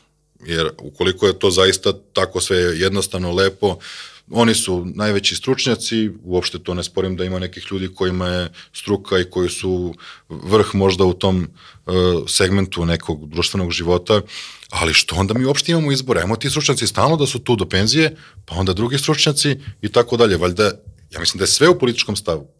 Mislim, ja mislim da je sve u, u pogledu na svet. Meni to deluje tako jednostavno, ali očigledno primamljivije zvuči, evo, ovo je stručnjak, ovo je ekspert, on će da nas izbavi. A evo, imali smo ekspertsku ovog... vladu u Crnoj Gori, trajala koliko godinu dana, evo sad ekspert Ali to u Crnoj Spajić. Gori je toliko smešno. Znači, prvo, način na koji su došli do kandidata za ministre, koji su, čak mislim da su i predsednik sadašnji i sadašnji premijer upravo na taj način ovaj, regrutovani. Iz grupe, ne? Iz Svi Facebook grupe Naši u svetu. Naši u svetu, da. Dakle, Facebook grupa Naši u svetu, otprilike ono, izgubio sam biciklo u Cirihu i, i tražim ministra u Crnoj Gori. Pa da, to je priča, tražim... pritam priča za Milojka, za Singapur i ove njegove djevojke tamo. Pa da, ali, ali tako su oni došli do tih ljudi. I sad to je uvek mačka u džaku. I mi smo imali ta iskustva kod nas posle 5. oktobra. Sjetite se ovih ljudi koji su došli eksperti Svetske banke, svašta nešto i onda nam ovde tu takozvanu šok terapiju, odnosno jedno ekonomsko samobistvo koje je izadalo strašne probleme, dugoročne probleme i, te strašne posledice u, u našoj zemlji, to su se bili neki eksperti, neka svetska banka, neki MMF i slično, mislim, Jednostavno, to je naše iskustvo, ali to tako može u tim zemljama kojima je, da ne kažem ukinut, ali u potpunosti smanjen suverenitet kao što je to bio slučaj kod nas posle 5. oktobra, ja mislim da u Crnoj Gori nije bo, mnogo bolje ni, ni dan danas. Ja znam da u Srbiji zapadne ambasade vrše strahovite pritiske po mnogim pitanjima. I, nažalost, naša vlast je nekad u stanju da im se odupre, nekad nije zavisnosti, ali ipak mislim po ovim ključnim pitanjima nacionalnim da ipak i dalje drži neku tu liniju sa nekim tragičnim kompromisima i, i mnoštvom loštih poteza, ali mislim da je i dalje ta linija e, prilično čvrsta, dok u Crnoj Gori Nemačka ambasada na svom sajtu napiše ko može vladu, ko ne može. To se ipak kod nas ne dešava. Znači, Ja mislim da čak i Češka ambasada se dole nešto pita. Ja nisam vidio, vidio sam Nemačka, ali, ali, ali nevjerojatno. Znači, Nemačka ambasada čestita, ali drugi pasus, podržavamo vaše napore i nadamo se da će koalicija koja je antievropska, proruska, Vučićevska, beogradska i tako dalje i dalje ostati van vlasti i da neće moći da ima nekakvog uticaja jer bi to bilo loše po evropsku perspektivu i tako dalje. To se objavi na sajtu, znači to se apsolutno ni ne krije. Ovde bar ambasador kad pokušava da neki kao pritisak ostvari, neki, neki svoj interes ostvari, nije baš na sva zvona. Mislim, nekad uspeva, nekad ne uspeva. Ja, ja Dobro, Hiri u poslednje vreme prilično otvoreno. Onako. Ali oni kad se ali nije, oglase- ta, nije, nije na taj način, on je bezobrazan, on, je, on često ume da bude bezobrazan i, i vređa naše dostojanstvo, nažalost se ne reaguje na to sve, ali bilo je bezobraznijih mnogo. Bio je, na primjer, Cobel koji je govorio o tome da Ako nećete Kosovo da prihvatite, spremite se za Sanđak i Vojvodinu, dakle to je sledeće, ako, ako ste vi u stanju, ako vi mislite da treba da se nama ovde suprostavljate, a onda s druge strane od tih stranih diplomata Andreas Schokenhoff kao izvestilac Bundestaga za Srbiju 2013. je došao sa ključnim uslovom za Srbiju da treba da se ovde izvrši promena svesti, što je, što je posebno bezobrazno, što je, što je posebno uvredljivo, ali na kraju krajeva to naravno čujemo i danas i od ove vaše miljenice, ali i Šolc je došao u Beograd i rekao je dve države, odnosno treba da se prizna nezavisno Kosovo, ali na sreću našu čini mi se da je takav njihov bezobrazan, uvredljiv, ponižavajući prema zemlji domaćinu, prema Srbiji nastup, nešto što je u velikoj meri učvrstilo naš narod da zna da mu na zapadu nije mesto, da mu nije mesto u Europskoj uniji, da nije spreman apsolutno ničega da se odrekne ne zarad članstva, nego zarad bilo čega što bi nas približilo tom članstvu. Ja mislim da je to pre svega zasluga tih ljudi koji misle da ovde mogu da nam zavrnu ruku i dobiju od nas što go hoće. Pa evo sad, neposredno pred emisiju smo pričali o tome da je Leo Naim Beširi, a i mi smo u prvom delu emisije radio neko istraživanje na neku... Naim na, Leo. Na, na, Naim Leo, šta sam rekao? Nema veze, Naim Leo, Beširi, ok, kako god ovaj, radio neko istraživanje na čelu te neke njegove agencije koje se bavi istraživanjima i da je on, znači, izbacio uh, zvanične rezultate po kojima uh, većinski deo Srbije tretira Ameriku kao neprijatelje, a taj broj naročito skače kad se gledaju najmlađe, znači od 18 do nekih 40 godina. Pa dobro da. To je prelepo. ako- A, to, pazi, onda je realno... Ali Vreme radi to za nas. Hm? Vreme radi za nas. Vreme radi, da, vreme Da. radi za nas, a, a i realno... ako je to- Biologija naš najveći saveznik. Biološki sat, tako je. a, i ovaj, a i ako se pogleda realno, realno ako bi se pogledalo, to, to je verovatno mnogo veći broj, ako su oni izbacili da neki... Ma, to je totalna glupost jedna, ja uopšte to ne verujem, to je ili izmislio ili postavio nešto, anketu na Twitteru i klikni ako si za, mislim, gluposti neki kako on ozbiljno istraživanje može da uradi. Ma pa jeste, to je nevladina organizacija i sad će on da kao institut za evropske poslove, mi se čini da se zove. Bravo, da. Ali sve, sve vreme Mislim, da. to je on, to je on, to je niko drugi, kakva to organizacija, mislim, i onda on, kao, evo, mi smo, mi smo neki istraživači, pa smo mi došli do tih zaključaka, ali to je, nije cilj. Cilj je da svi apsolutno, pogotovo prozapadni mediji, prenesu te rezultate. I, znači, da se pojavi ta vest i onda slabo ko ulazi u detalje. Oni misle institut za evropske poslove, to nešto ozbiljno, a ne to da je Beširi, mislim. Pa ja, ja to tako vidim. Jeste. Ali te generalno istraživanje javnog mnjenja e, koja se pojave u javnosti, dakle, istraživanje javnog mnjenja je korisno za nekoga ko se bavi na primjer politikom ili tržištem negde ili nešto hoće da dobije nekakvu informaciju, nekakvu prednost konkurentnu ili slično u, na tržištu u poslovanju i za politiku naravno, ali ono koje se pojavi u javnosti nema taj cilj. Ono ima cilj kao upravo ovo preširi, da utiče na... Promenu svesti. Dakle, da, pa da, na, na ono ko treba da stvari taj sadržaj i da onda prihvati to kao činjenicu. Ti misliš to onda istina, znači to je tako šta god se objavi. Bilo je raznih tu, bilo je često možda se vidi i dan danas da i 60% je za Evropsku uniju i dalje Srba. Kad bi bilo glasanja, ovako kad nema glasanja onda nisu, ali kad bi bilo, svi bi izašli da glasaju za i tako dalje. I tako, takođe u politici, znači uvek, se, uvek je to sve frizirano za potrebe tih nekih u javnosti, gde se e, efekat postiže tako što se šalje poruka ovo je stav, ti ako misliš drugačije, prilagodi se bolje većini, ono, budi konformizam u tebi, prilagodi se tamo gde je krdo, nemoj da budeš ovde usamljen Ja to tako vidim i generalno je to često me da bude pogubno na razmišljanje na bilo koje teme. Da, do duše, naravno, kod očiglednih stvari ne isplate se ni da se laže. Jednostavno, onda bi, onda bi probudilo neku sumnju kao što su pitanje Kosova, na primjer, sutra kad bi se pojavio, ne znam, neki od tih instituta ili NVO, koji bi rekao dve trećine Srba jedva čeka završi s Kosovom, ljudi bi vidjeli da je to očigledna laž ili ovo vezano za sankcije Rusiji, mislim, svi hoće sankcije, ne znam šta se čeka, videli bi da ovaj, jednostavno da to nije moguće, ali tako nešto perfidno, suptilno, polako, na tim nekim ne, to, ne najvažnijim pitanjima može da da neki efekat koji je negativan za onog ko konzumira informaciju sa medija. Jeste, ali evo u Bosni i Hercegovini danas imamo te ambasade, nekako se deluje kao da sude i presuđuju. E, predsednik Republike Srpske i e, ovaj, direktor službenog glasnika se danas sudi u Sarajevu zbog verbalnog delikta, maltene, zbog simbola koji pokazuju, ne sme da se kaže e, da li je bio genocid, nije bio genocid, ne sme da se pokaže tri prsta. E, onda kada ne pristaneš da budeš poslušnik toga, onda te izvode prez te institucije gde ti pritom sude opet stranci Kako se protiv toga boriti? Pa ja ne znam, ja sam razmišljao da li je to pozitivno uopšte, zato što samim pojavljivanjem ipak se taj sud priznaje. Ja, ja sam razmišljao... Ali opet to si rekao i budi nacionalni neki status. Pa jeste, na primer, stvarno, evo ja sam bio u Banja Luci nedavno i razgovarao sam baš na tu temu sa nekim ljudima u jednoj televizijskoj emisiji sa uh, predsednicom kluba poslanika srpskih u, u, u Sarajevu i sa jednim dodikovim savjetnikom I stvarno, ja mislim da je to kontraproduktivno za ono što Zapad hoće da ostavi u Bosni. Znači, jednostavno oni će samo mogu da ojačaju Dodika, ako hoće već da ga uklone i zaista on može da bude faktor ujedinjenja svih Srba kad vide koliko je on u stvari progonjen od njih lično. Dakle, on lično je progonjen. A da ne pričamo o on čoveku koji je direktor službenog glasnika koji nije na političkoj funkciji, on ne donosi nikakvu političku odluku, on je u nekom smislu tu tehničko lice, mislim, jeste on direktor u redu, ali on je ipak neko ko nema moć da neku odluku promeni ili kako se njemu dopadne, nego je samo protočni bojler, malo te ne. Najskuplji su, autogram. pa da, ali su oni, do duše ovi naši u, u Banja Luci, oni su našli hrabrog čoveka koji je u stanju da se tome suprostavi, dakle nije baš neko, svako u stanju da se na taj način izlaže lično riziku. Pozdrav za Miloša koji nam je inače. Sebe, Lukić, jel? Da, Tako Lukić. da, pozdrav.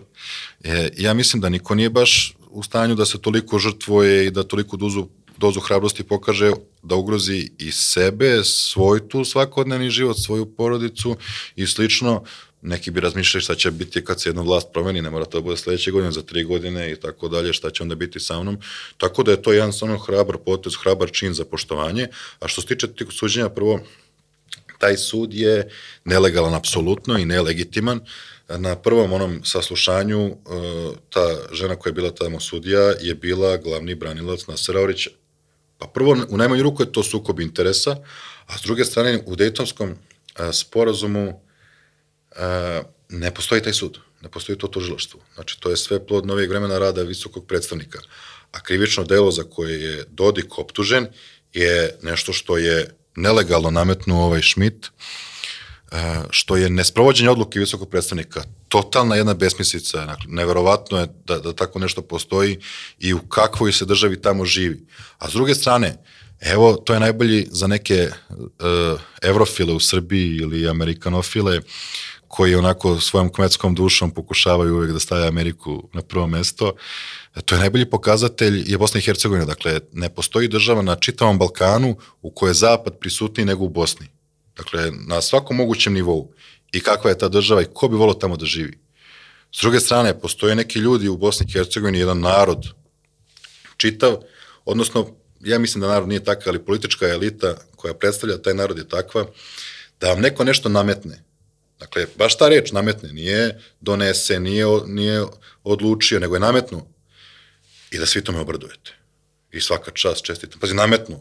Znači, to je, to je već priznanje na, na taj način da si ti u podređenom tu uh, statusu i da si ti apsolutno ništa ne pitaš čim ti to prihvataš.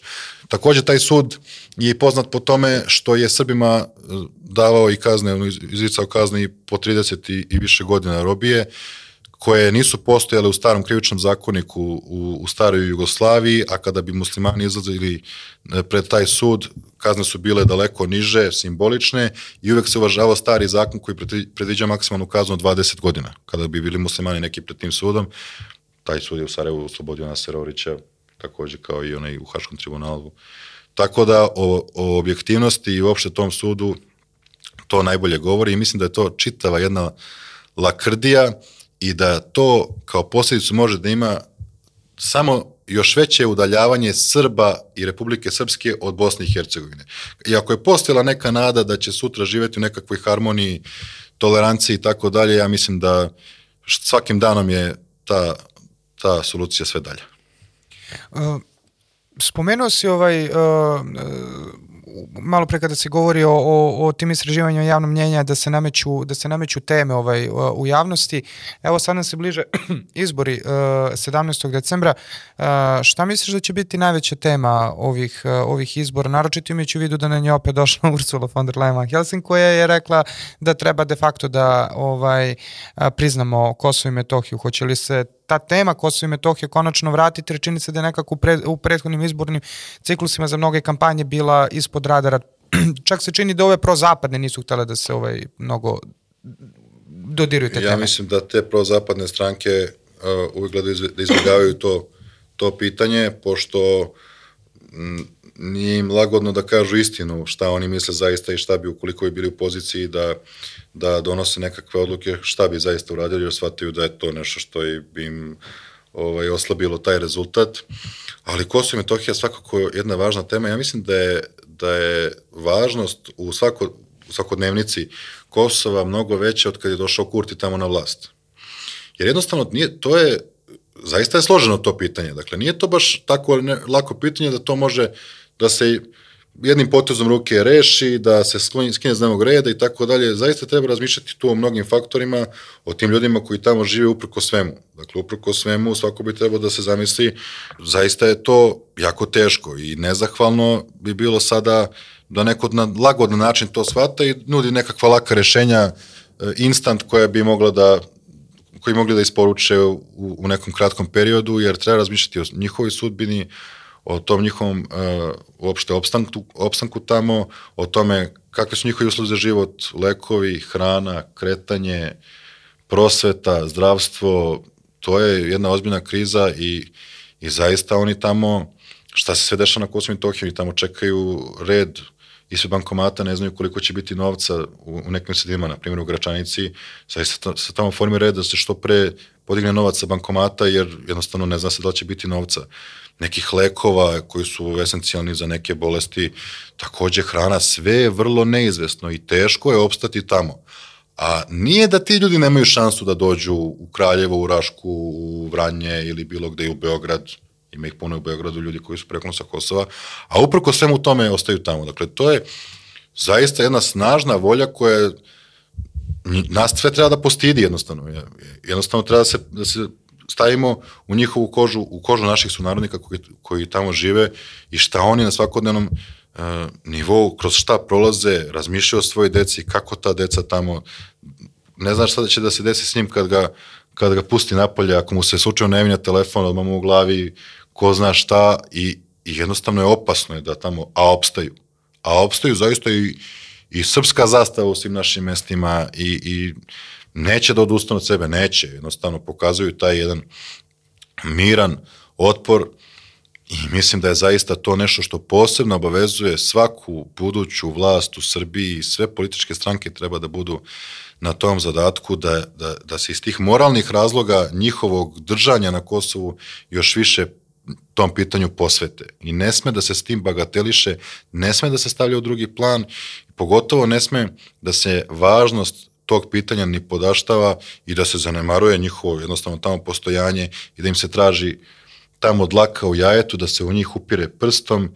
Ja sam imao par, par puta prilike da, da se ovaj, sučim sa nekim ljudima u nekim političkim duelima koji ljudima, kritikuju ljude na Kosovu kako su oni promenili tablice, kako imaju šiptarsku ličnu kartu, kao znaš, on prike, oni su odustali od eh, države Srbije, a ti ne odustaješ, ti pričaš mitove, jedan mi čak rekao, uh, radikali biju izgubljene bitke već i, i tako dalje. Dakle, sad je on nekakav krivac što ima šiptarsku ličnu kartu ili što ima šiptarsku tablicu. A te baš briga s tvojom BG tablicom, tebi Rosu neće upasti u kuću nikad, nećeš ga vidjeti možda nikad u životu ako ne odeš baš tamo. Neće tvoje dete u školu ide najnormalnije, vraća se iz škole najnormalnije. Jednostavno nisi uopšte na taj način, bilo kakav način ugrožen.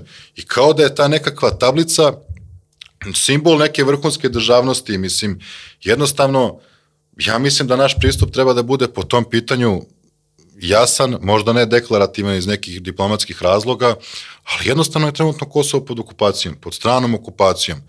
Šiptari su tamo samo eksponenti, odnosno Kurti i ostali, ali suštinsku vlast tamo imaju Amerikanci i kakav god bio nastup nekog njihovog tamo američkog ambasadora koji navodno nema nikakav uticaj, oni su sva vlast na Kosovu, Bonstil je sva vlast na Kosovu, nema tu mnogo priče. Šta je moguće da se uradi sada, na kratak rok, da taj, na kratak rok, na, na, na, na planu da opstanka tih ljudi tamo šta im je moguće omogućiti, pomoći, izaći u susret, šta je moguće da bude kompromis, da oni tamo opstanu i ostanu, a šta je ono ispod čega Srbija neće nikada da ide. Pa onda posle, ukoliko bude bila odgovorna vlast, ukoliko bude neko ko zaista bude stavio nacionalne ciljeve e, na prvo mesto i radio na tome kontinuirano, ne ne kampanjski, ne samo iz nekih marketinških ili nekih drugih razloga, jednostavno Azerbejdžan, Azerbejdžan, šta god mi misli sad o tom pitanju šta se tamo desilo i ko je u pravu, ko nije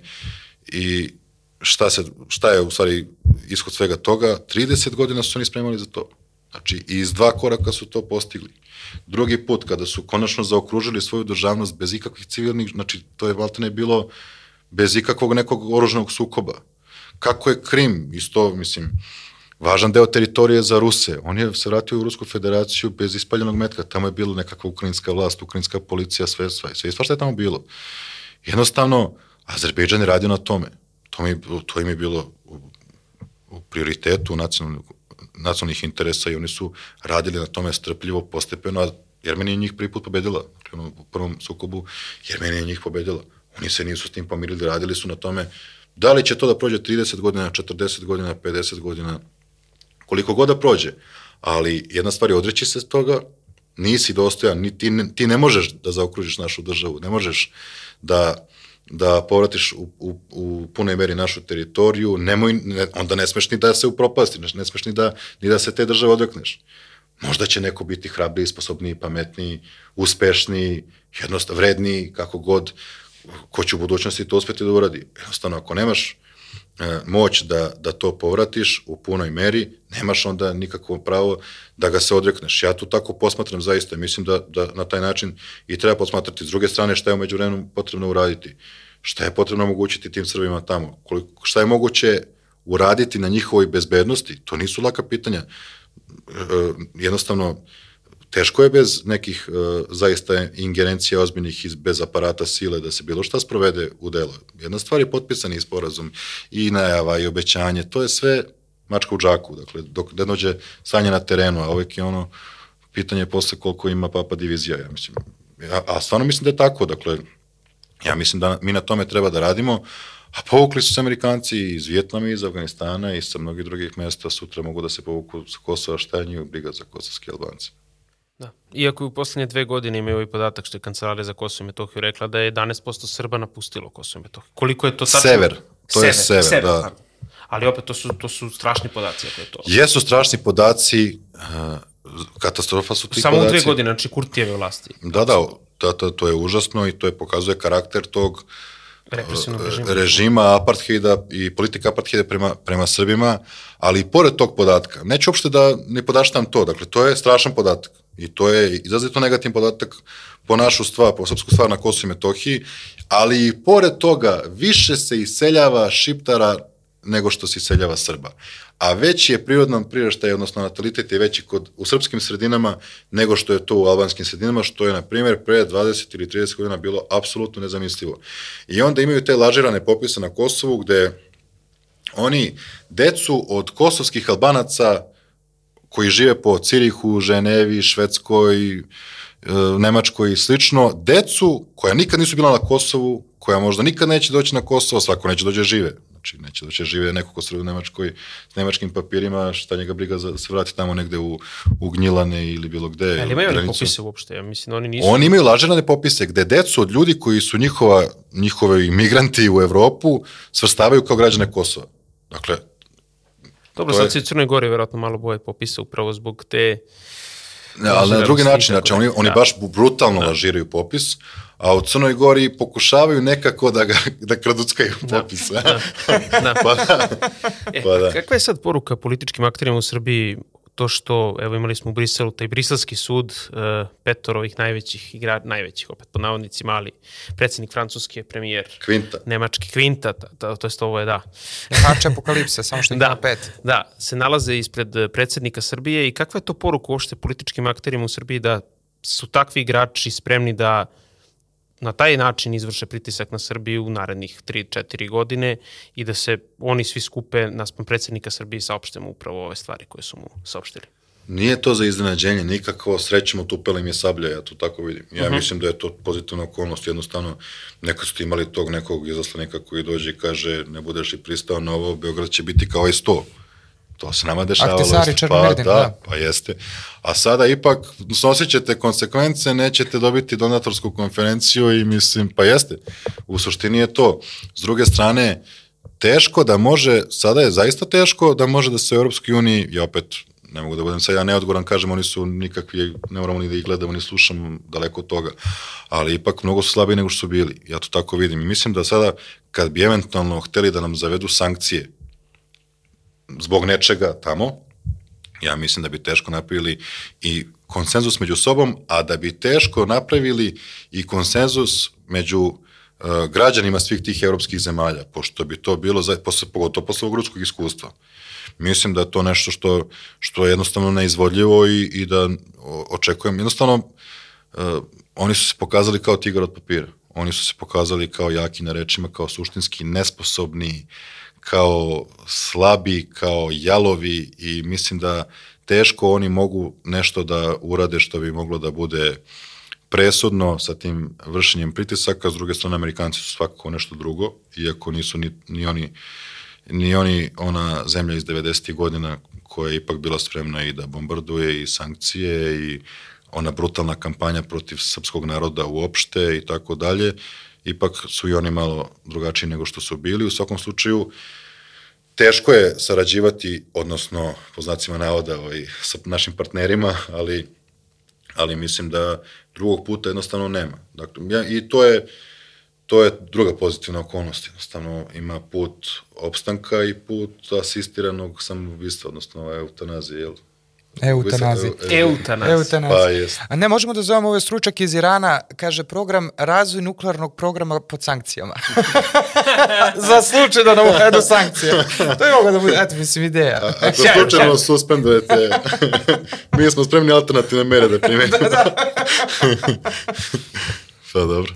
Uh, ovaj, da, uh, ono što negde se isto čini ovaj, i možemo tako negde da uh, privodimo polako kraju emisiju, ovaj, um, nekako nije mogo, evo sad je ova vest izašla da nekako ta desna opozicija, uslovno rečeno u Srbiji, to jest ne desna, nego nacionalna opozicija, pošto kod nas to levica desnica, ovaj, nacionalna opozicija nije uspela da napravi konsenzus, s druge strane, uh, Srpska radikalna stranka je već najavila neke ovaj, koalicije, tako se pojavilo u vestima. Koliko ti se čini, zbog toga sam te negde i pitao za ovo šta će da bude goruća tema uh, sad na, na ovim izborima. Da, nisam jer- odgovorio u stvari na to. Da, ali čini se nekako ako je, ako je Kosovo i Metohija pitanje da tu ne bi trebalo da bude ovaj, svako sad, mislim, to je sad ono iz pozicije kako vidi oni što stoji pod brdom, kaže, ne oni na brdu, Da. da, bi to trebalo da bude kohezivni element, ali ovaj...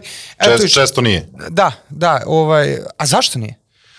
Pa zato što jednostavno ljudi neki gledaju budućnost, spremni su da iskorače iz, tog, iz tih mitova i, i te propagande i zle, zlog Miloševićevskog uh, režima i slično.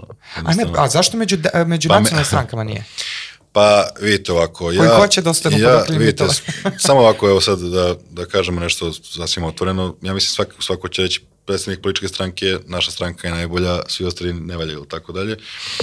Ali ja mislim da kada govorimo da o tim nekim nacionalnim strankama, parlamentarnim opcijama trenutno u Srbiji, ja mislim da su to ljudi, ljudi sa jako slabim uverenjima i da su zaista spremni na ne samo na te trule kompromise, nego su spremni na neprincipijalne koalicije, već su se puno puta to pokazali u prošlosti i mislim da je greška za bilo koga da očekuje neko, i nisu nikad pokazali da im je do nečega stalo, da su spremni da se žrtvuju, da su spremni nešto da jednostavno ulože u tu borbu, već je to sve neka fasada, ne, ne, neki besmisao. Ja to tako zaista vidim, mislim, naravno, e, mo- možda previše subjektivno, ali ja, to, je, to je moj stav i mislim da i nikada to nije bilo nešto što je bilo važno. Vidjeli smo i Boška Obradovića više puta u američkoj ambasadi. Znači, on je bio i tamo na tom travnjaku i tamo nudio Hilu da podignu negde spomenik Draži, pazite sad.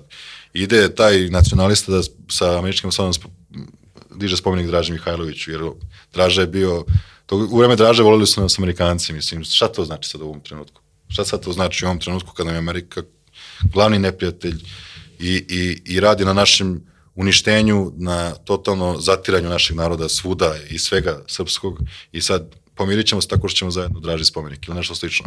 I te stranke koje, pazite, nije mnogo bila manje aktuelna tema Kosova na izborima pre godinu i po dana. Dakle, bila je u, u redu, Ukrajina je bila novost, iznenađenje, bilo je to u glavnom fokusu, bilo je iznenađujuće što se Srbija nije pridružila sankcijama, mnogi su očekivali da će to da bude drugačije, da, da to budemo potpuno iskreni, ali nije bilo Kosovo tada nevažno, niti je bila situacija na Kosovu nešto sad specijalno bolja nego što je to sada, a onda tim ljudima o koji, koje ti sad spominješ je u fokusu kampanje bila monarhija. Ajmo da uvedemo, znači, ovi nam ovdje teraju, teraju Srbe s Kosova, progone ih na svaki mogući način svakog dana, ovi nas pritiskaju pred te sankcijama da uvedemo sankcije Rusiji, da, da se ponizimo maksimalno i ne znam šta sve ne, teraju nas da ovde imamo preferenci- preferencijalni status za njihove kompanije, da im dajemo subvencije, da ih obilno finansiramo, teraju nas da gej parade orga- organizujemo svako malo i da tolerišemo neke ljude na ulicama Beograda koji skrnave Srpsku pravoslavnu crkvu i šta sve ovde ne rade i milion drugih stvari, ali to sve na stranu, sve će biti rešeno kada jednom vratimo kralja, jer kralj je naš spas i tako dalje. Tako da, eto, to je ono što mogu da kažem o tim nekim očekivanjima od tih ljudi. Ja se iskreno nadam, pazite, što se tiče Srpske radikalne stranke, mi smo zaista uvek izlazili na parlamentarne izbore samostalno u posljednje 33 godine po tome smo apsolutno jedinstveni u Srbiji i pokazali smo još jednu stvar koja je, koja je zaista samo za nas specifična, to je da smo spremni da se žrtvujemo.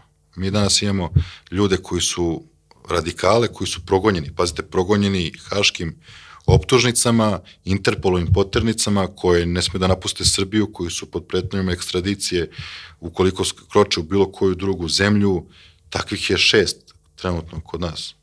Dakle, funkcionera. I jednostavno smo na svojoj koži osjetili šta je to kad si američki neprijatelj. I pored svega toga, pored nekih izbornih neuspeha, a znamo šta se dešava političkim strankama kada ožive ne, izborni neuspeh, to ne mogu posle da ih sastavi, nema tog hirurga koji može da ih opet sašije. I, i tu videli smo na kraju krajeva ova demokratska stranka, pa bar 30 ima derivata u posljednjih nekoliko godina, mi smo i dalje. Odnosno i dalje postojimo i dalje funkcionišemo i pored izbornog neuspeha. To je po, po, po našem viđenju tih stvari e, jedan politički život u kojem su porazi i pobede i uspesi i neuspesi nešto što je sasvim uobičajeno i da od, do toga da li ćeš odustati ili ne, zavisi isključivo od snage tvojih uverenja. Ukoliko nemaš uverenja, možeš da prelaziš iz jedne u drugu stranku, možeš da formiraš svoju stranku, možeš da se raspadneš ono čim se nekakav neuspeh dogodi i slično. Dakle, jednostavno, po tome zaista mislim da smo jedinstveni i na to smo izuzetno ponosni. Kada govorimo o lokalnim koalicijama, mi smo, imamo taj princip da naši lokalni odbori, i to je sad opet možda floskula, lokalni odbori odlučuju samostalno, ali zaista je tako. Zaista je tako i mi smo i pored našeg poslednjeg izbornog neuspeha i dalje najorganizovanija ubedljiva opozicijona stranka u Srbiji po pitanju naše stranačke infrastrukture. Iako je ona senka nekadašnje, ali ona i dalje čvrsta, postojana, neuporedivo snažnija od bilo koje druge političke stranke, uključujući i ove prozapadne koje misle da ovi ljudi koji su protestovali su izašli zašto su njihovi miljenici, odnosno njihovi fanovi. I mi smo doneli tu odluku da u većini gradova i opština u Srbiji idemo u predizbornu koaliciju sa Srpskom naprednom strankom.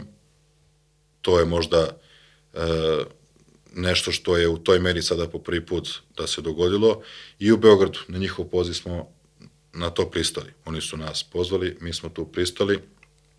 To je strašnu prašinu diglo u našoj javnosti, dobili smo e, neverovatno mnogo publiciteta, opet te negativne kampanje koje se za nas vezuje, koja nama prilike ne znam koliko štetu nanosi Oni predstavljaju nas kao nekakve gubavce, pa ko je s ovim gubavcima ma će da dobije i on lepru.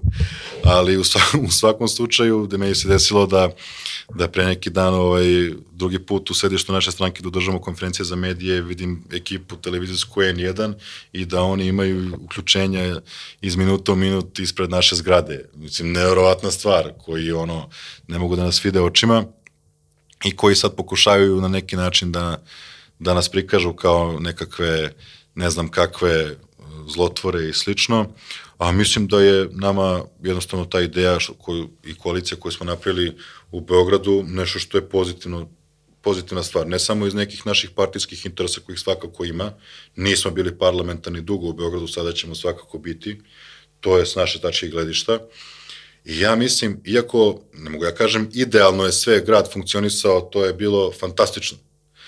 Ali u svakom slučaju opasnost postoji da zbog raznih faktora, medijske kampanje, linča i slično, u Beogradu dođe na vlast jedna ekipa ljudi kojoj Beograd može da bude odskočna daska za preuzimanje vlasti u čitavoj Srbiji, koja će biti, ukoliko bi do toga došlo, zaista pogubna i pitanje kada bi se i da li bi se Srbija od toga opet oporavila. Ja mislim da bi nama novi 5. oktobar na isti način kao Majdan kad se desio posle naranđaste revolucije u Ukrajini, da bi nama bio novi 5. oktobar sa sličnim posledicama i naravno lokalne su teme u glavnom gradu, ne pita se glavni grad da će se Kosovo priznati ili da li će se uvesti sankcije Rusiji ili nešto slično, ali kad imate vlast u predstavnici, onda je ipak to nešto drugo, a jednostavno uh, spoljni faktor koji podržava određene koalicije koje se prave u Beogradu ima jednostavno cilj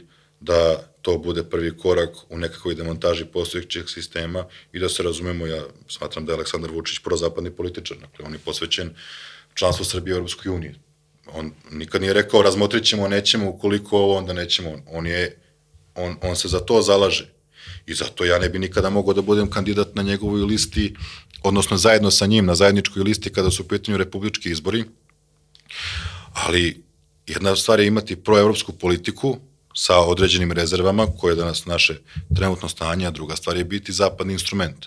To su potpuno različite stvari. I mislim da bi to zaista bilo pogubno i mislim da je to negde može da bude naš doprinos da se takav scenarij u Srbiji ne dogodi, pa onda ono što smo nazivali makedonski, ukrajinski, beloruski i slično, da ne dođe do srpskog. Eto, ja mislim da je to isto neka pozitivna okolnost. Ajde samo još jedno pitanje vezano za izbore. Ovo su izbori neki koji se najavljuju, ajde još od prethodnih izbora zapravo i e, prema najavama tre, ne bi trebalo da bude narednih izbora do 2027. Što ih, ajde, potpuno razlikuje od svih onih prethodnih gde negde uvek bilo to biće, neće biti pre kraja mandata.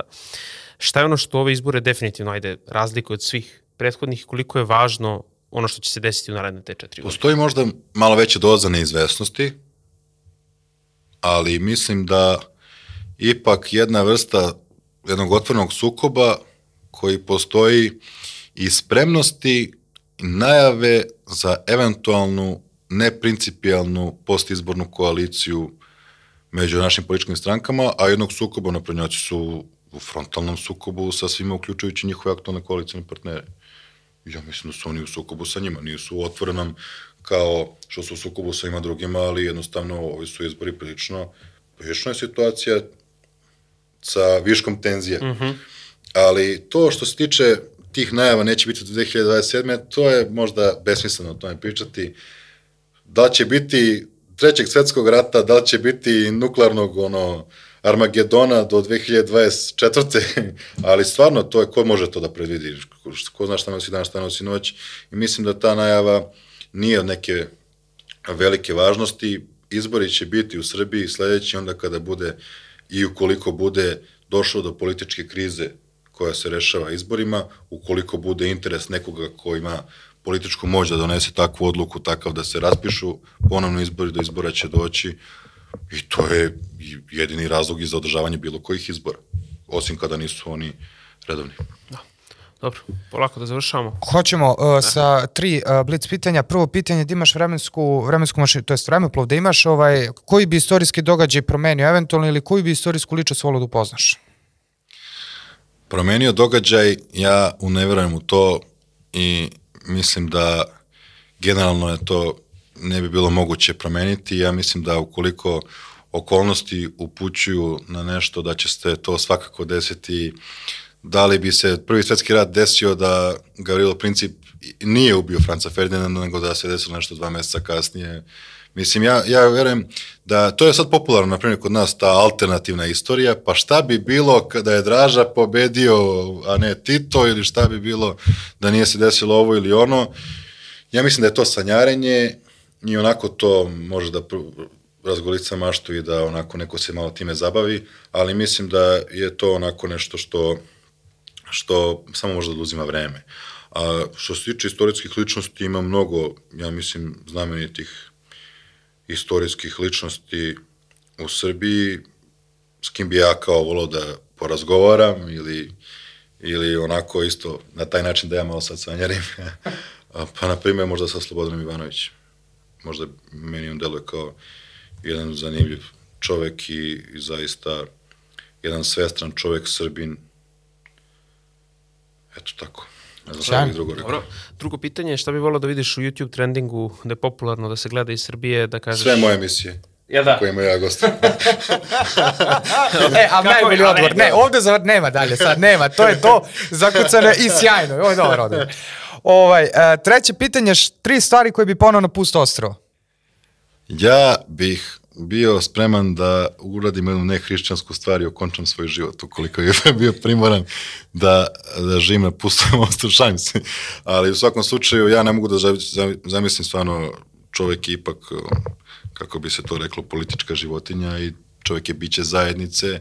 Ja mislim da bi svaki čovek koji bi bio sam bilo gde poludeo. Mislim da jednostavno čovek je napravljen ovaj, programiran, što bi se reklo, za ambijent e, zajednice i samo može u pune meri da se ostvari u bilo kom smislu u okviru zajednice na pustom ostrovu.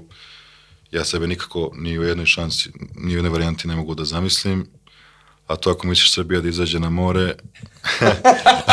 Postoje drugi ali, način. ali hoću da kažem da nama treba mnogo više od jednog samo malog ostrava.